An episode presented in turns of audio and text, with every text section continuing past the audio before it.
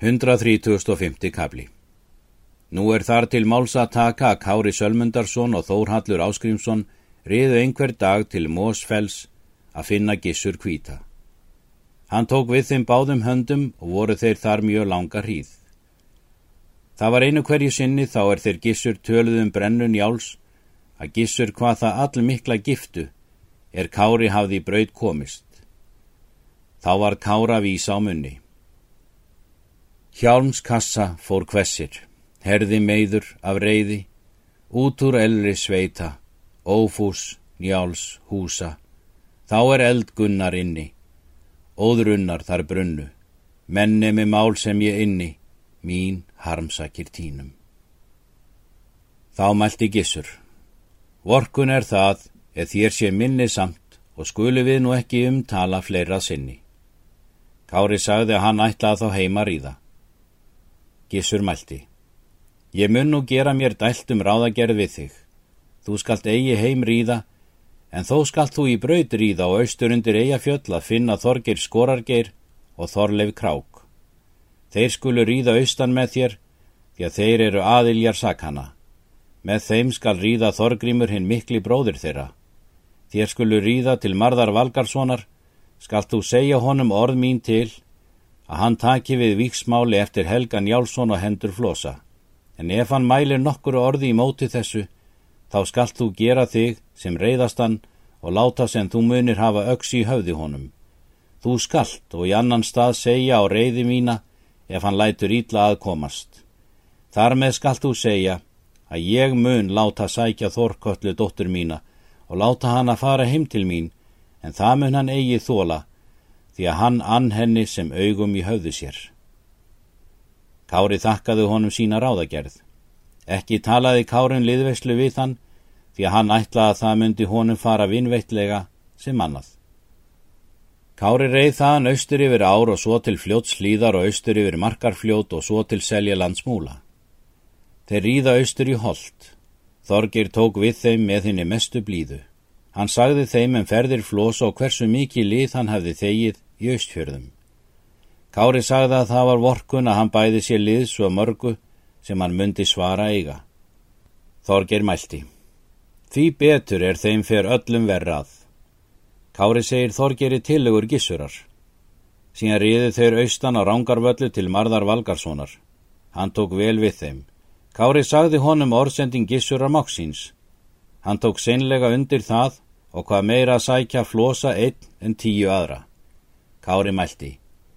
Jamt fer þér þetta sem hann ætlaði því að þér eru allir hlutir ítla gefnir. Þú ert bæði hrættur og huglaus en það skal það á bak koma sem þér er maklegt að Þorkalla skal fara heim til föður síns.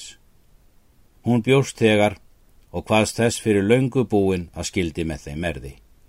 Mörður skipti þá skjótt skapi sínu og svo orðum og bað af sér reyði og tók þegar við málinu. Kári mælti þá. Nú hefur þú tekið við málinu og sæk nú óhrættur því að líf þitt liggur við. Mörður hvaðst allan hug skildu áleggja að gera þetta vel og drengilega. Eftir það stemdi mörður til sín nýju búum. Þeir voru allir vettfangsbúar.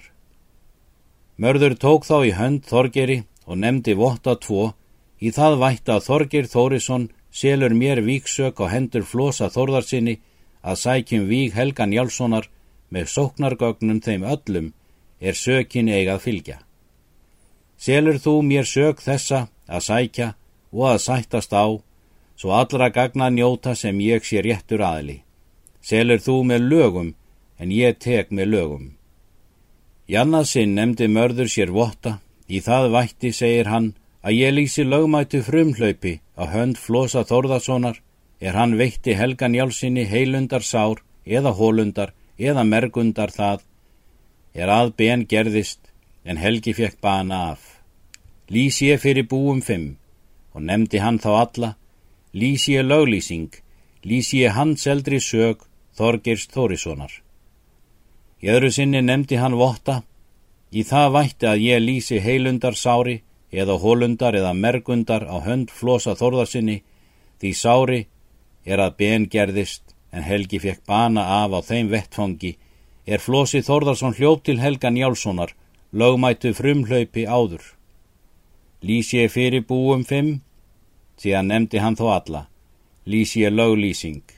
Lýs ég handseldri sög Þorgeirs Þórissonar. Þá nefndi mörður sér votta heið þriðja sinn, í það vætti, segir hann, að ég hveð vettfangsbúa þá alla nýju og nefndi þó alla á nafn. Alþingis reyðar og búa kviðar að bera um það hvort Flósi Þorðarsson hljóp lögmætu frumhlaupi til Helga Njálssonar. Á þeim vettfangi er Flósi Þorðarsson veitti Helga Njálssoni heilundar sári eða hólundar eða mergundar. Það er að ben gerðist en Helgi fekk bana af. Hveð ég yður þeirra orða allra er yður skilda lög til um að bera og ég vil yður að dómi beitt hafa og þessu máli eiga að fylgja hveð ég yður lög hvöð, svo að þér heyrið á sjálfur, hveð ég um handselt mál Þorgers Þórissonar. Mörður nefndi sér votta í það vætti, segir hann, að ég hveð vettfangsbúa þessa nýju alþingisreiðar og búa hviðar að bera um það hvort Flósi Þórðarsson særði Helga Njálsson heilundarsári eða mergundar eða hólundar, því sári er að ben gerðist en Helgi fekk bana af á þeim vettfangi er Flósi Þórðarsson hljópt til Helga Njálssonar áður lögmætu frumhlaupi. Hveð ég yður þeirra orða allra er yður skilda lög til um að bera og ég vil yður að dómi beitt hafa og þessu máli eigað fylgja. Hveð ég yður lög hvöð, hveð ég yður svo að þér heyrið á sjálfur, hveð ég yður um handselt mál Þorgeirs Þórissonar. Þá mælti mörður. Nú er hér mál til búið sem þér beitust. Vil ég nú byggja þig, Þorger Skorargeir, að þú komir til mín, er þú rýður til þings, og rýðum við þá báðir saman með hvort tveggja flokkin og höldum okkur sem best saman því að flokkur minn skal þegar búin til öndverðs þings og skal í eður í öllum hlutum trúr vera. Þeir tóku því öllu vel og var þetta bundi svardögum að engi skildi við annan skilja fyrir en kári vildi og hver þeirra skildi leggja lífi annars líf. Skildi þeir nú með vináttu og mæltu mót með sér á þingi. Reið þá Þorgir austur aftur en Kári reið vestur yfir ár, það til er hann kom í tungu til Áskrims. Áskrimur tók við honum ágæta vel. Kári sagði Áskrimi alla ráðager gissur að kvíta og mála tilbúnaðin. Slíks var mér að honum von, segir Áskrimur, að honum myndi vel fara, enda hefur hann það nú sínt. Áskrimur mælti. Hvað spyrðu austan frá flosa? Kári svarar. Hann fór allt austur í Vopnafjörð og hafa nálega allir höfðingjar heitið honu liðveislu og alltingis reið. Þeir vænta sér og liðs af reikdælum og ljósvetningum og öksfyrðingum. Þeir töluðu þar margtum, líðan og stundir allt fram til alltingis. Þórhallur Áskrimsson tók fótarmein svo mikið að fóturinn fyrir ofan ökla var svo digur og þrútin sem konu lær og mátti hann ekki ganga nema við staf. Hann var mikill maður vexti og rammur að afli, dökkur og hár og svo skinnslit, vel orðstiltur og þó skap bráður. Hann var hinn þriðji maður mestur lögmaður á Íslandi. Nú kemur að því er mennskildu heima ríða til þings. Áskrimur mælti til kára. Þú skalt ríða til öndvers þings og tjálta búðir vorar og með þér þórhallur són minn því að þú mynd best og hólegast með hann fara er hann er fótlæmi en við er munum hans mest þurfa á þessu þingi. Með ykkur skulu ríða tuttugu menn aðrir.